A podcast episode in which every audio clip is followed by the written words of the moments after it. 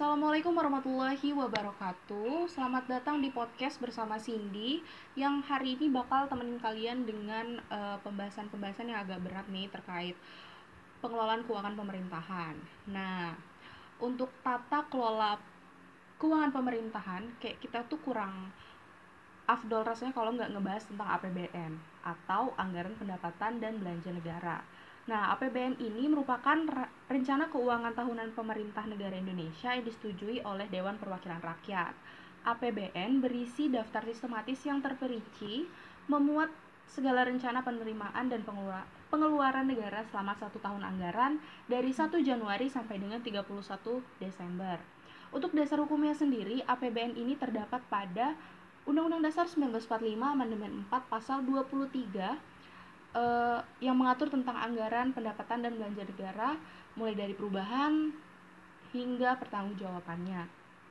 Dan untuk fungsinya sendiri, APBN ini merupakan instrumen untuk mengatur pengeluaran dan pendapatan negara dalam rangka membiayai pelaksanaan kegiatan pemerintah dan pembangunannya. Pencapaian pertumbuhan ekonomi, meningkatkan pendapatan nasional, mencapai stabilitas perekonomian dan menentukan arah serta prioritas pembangunan secara umum. Nah, kurang afdol nih rasanya kalau kita nggak ngebahas tentang APBD juga dan kebetulan Cindy ditemenin sama dua teman Cindy yang Cindy rasa tuh paham eh, tentang APBD dari daerahnya masing-masing. Nah di sini ada Kak Erni Lutfiah sama Kak Yusti Karina. Untuk eh, Kak Erni dulu nih, halo Kak Erni apa kabar? Halo, kabar baik, alhamdulillah. Alhamdulillah. Aduh, rasanya kayak tua gitu ya dipanggil kakak. Mungkin bisa Erni aja. Kayak kurang pas gitu Oh, kalau nggak pakai oke. kakak. Oke, baik. Untuk kali ini manggilnya kakak ya. Oke. Eh, baik, eh, saya di sini coba menjelaskan mengenai APBD. Eh, seperti yang kita ketahui bersama, APBD merupakan anggaran pendapatan dan belanja daerah, merupakan wujud pengolahan keuangan daerah yang ditetapkan setiap tahun dengan peraturan daerah. Selain itu, APBD juga merupakan alat atau wadah untuk menampung berbagai kepentingan publik yang diwujudkan melalui berbagai kegiatan dan program daerah di mana pada saat tertentu manfaatnya benar-benar akan dirasakan oleh masyarakat.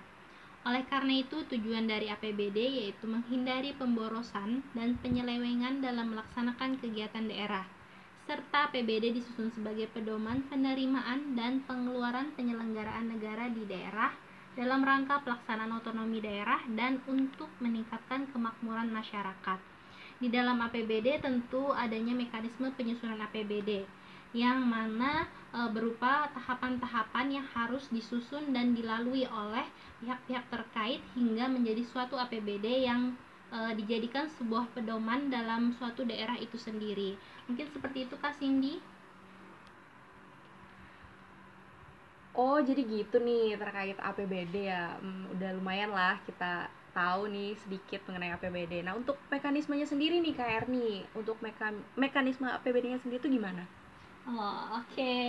Host kita hari ini rupanya mau tahu banyak ya mengenai APBD dan eh, terkhusus mengenai keuangan pemerintah. Harus kritis dong. Iya, oke, baik. Coba saya jelaskan mengenai mekanisme penyusunan APBD. Di sini tentu ada beberapa tahapan-tahapannya, yang mana yang pertama itu pemerintah daerah menyusun rancangan pendapatan dan belanja daerah atau sering kita ketahui bersama mengenai RAPBD. Dan tahap kedua, pemerintah daerah mengajukan RAPBD kepada DPR untuk dibahas bersama antara pemerintah daerah dan DPRD. Dalam pembahasan ini, pihak pemerintah daerah sebagai eksekutif dilakukan oleh tim anggaran eksekutif seperti sekretaris daerah, Bapeda, dan pihak-pihak lain yang dianggap perlu. Sedangkan DPRD dilakukan oleh panitia anggaran yang beranggotakan tiap fraksi yang ada.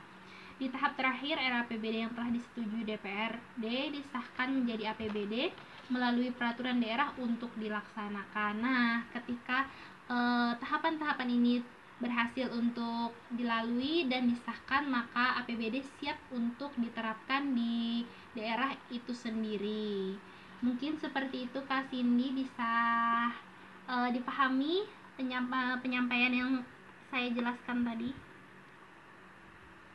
Wah, ternyata lumayan panjang nih ya mekanisme dari APBD ini sendiri.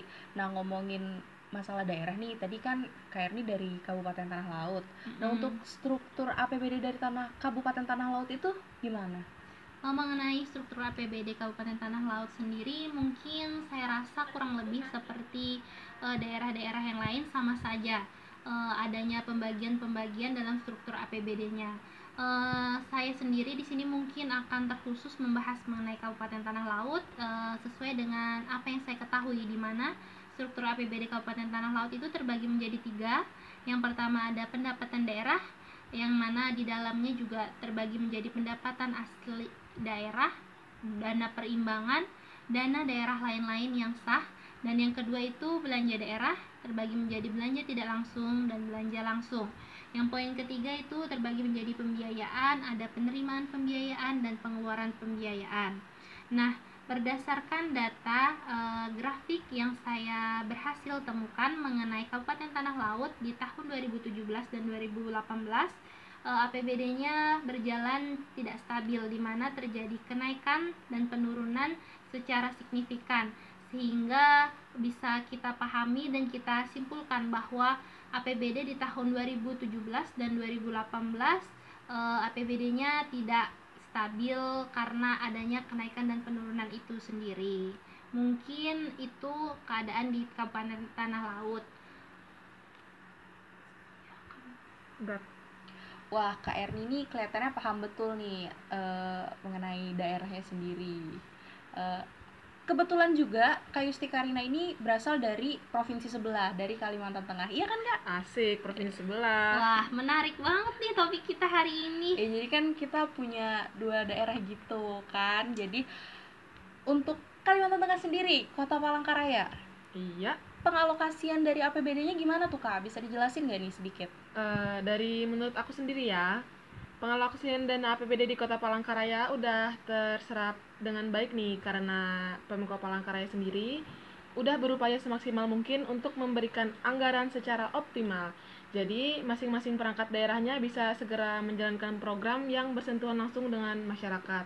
Hmm. E, hal itu dibuktikan dengan terlaksananya pendistribusian dana bantuan sosial tunai kemarin e, untuk COVID itu sebesar 500.000 per kepala keluarga dana itu uh, berasal dari pengadaan anggaran dari Pemko sebesar 67 miliar untuk penanganan COVID-19 serta PSBB. Anggaran itu juga bersumber dari belanja tidak terduga APBD sebesar 10 miliar. Untuk sejauh ini, anggaran APBD ditingkatkan pengalokasian dananya kepada kesehatan minimal 10%. Oh, jadi gitu pengalokasian dari Kalimantan Tengah. Betul. Nah, uh, tadi juga kalau nggak salah sini ada dengar waktu KR nih bahas tentang struktur APBD Kabupaten Tanah Laut ada uh, sedikit ngebahas tentang ada sedikit ngebahas tentang pendapatan asli daerah. Nah, menurut Kak Yustika sendiri nih, pendapatan asli daerah atau yang biasa kita dengar PAD PAD itu apaan? Masing, bentar. Uh, mungkin sebagian besar masyarakat sudah tahu nih kalau PAD itu pendapatan yang diperoleh dari sumber-sumber yang dihasilkan dari daerah itu sendiri yang utamanya bertujuan untuk memberikan kewenangan untuk pemerintah nih agar dapat mendanai pelaksanaan otonomi daerah masing-masing. PAD sendiri bertujuan untuk memberikan kewenangan kepada pemerintah daerah untuk mendanai pelaksanaan otonomi daerahnya masing-masing. Uh, berhubung PAD Kota Palangkaraya tahun 2020 sedang berjalan jalan. Di sini uh, saya akan menjelaskan PAD Kota Palangkaraya tahun 2019 aja nih. Eh, PAD Kota Palangkaraya dihasilkan pendapatan tertinggi dari Badan Pengelola Pajak dan Retribusi, Retribusi Daerah atau biasa yang dikenal dengan BPPRD tahun anggaran 2019 yaitu mencapai 166 miliar atau 99,7 persen. Pendapatan tersebut terbagi menjadi tiga bagian pendapatan. Yang pertama dari pajak daerah sebanyak 100 miliar rupiah. Kemudian yang kedua retribusi daerah sebesar 15,8 miliar rupiah. Yang ketiga denda pajak daerah sebesar 390,6 juta rupiah. Dan yang terakhir denda retribusi daerah sebesar 447 juta rupiah. Uh, dan untuk kontribusi terbanyak PAD pajak saat ini di Kota Palangkaraya sendiri yaitu dari bea perolehan hak atas tanah dan bangunan yang target awalnya hanya 75% menjadi 81,90%.